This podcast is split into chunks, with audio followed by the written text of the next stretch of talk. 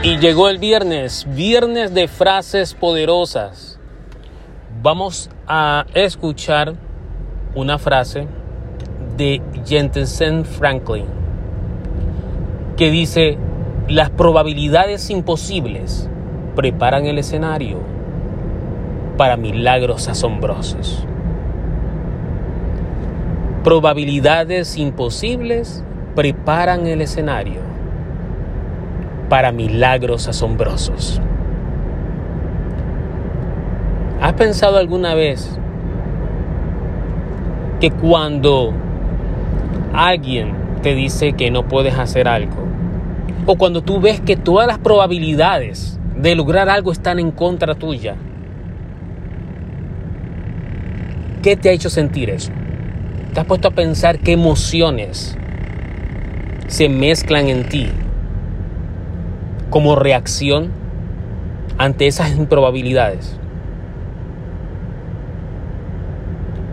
Puedes reaccionar de diferentes maneras, pero te aseguro que muchas veces, o pocas veces, nos inspiran.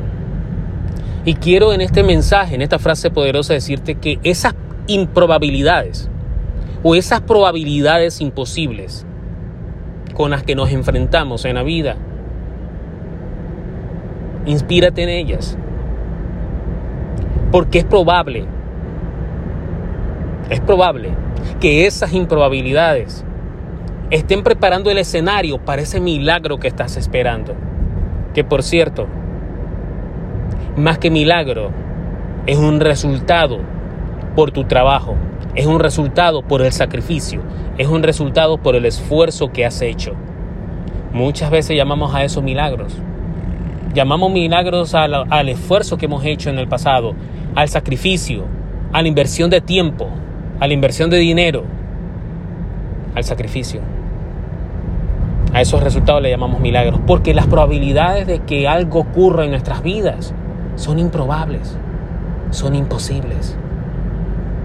Pero a veces, mientras más improbable es que alcances tus sueños, porque más cerca estás de él. Recuerda esto, Mientras más oposición, obstáculos y desafíos tengas en tu vida, mientras menos probabilidades tú veas que tienes de alcanzar tu sueño, tus metas, es porque estás más cerca de ellas. Confía, confía en lo que estás haciendo. Ten paciencia. Aunque yo soy una persona impaciente por naturaleza, he aprendido de que a veces la paciencia juega a tu favor.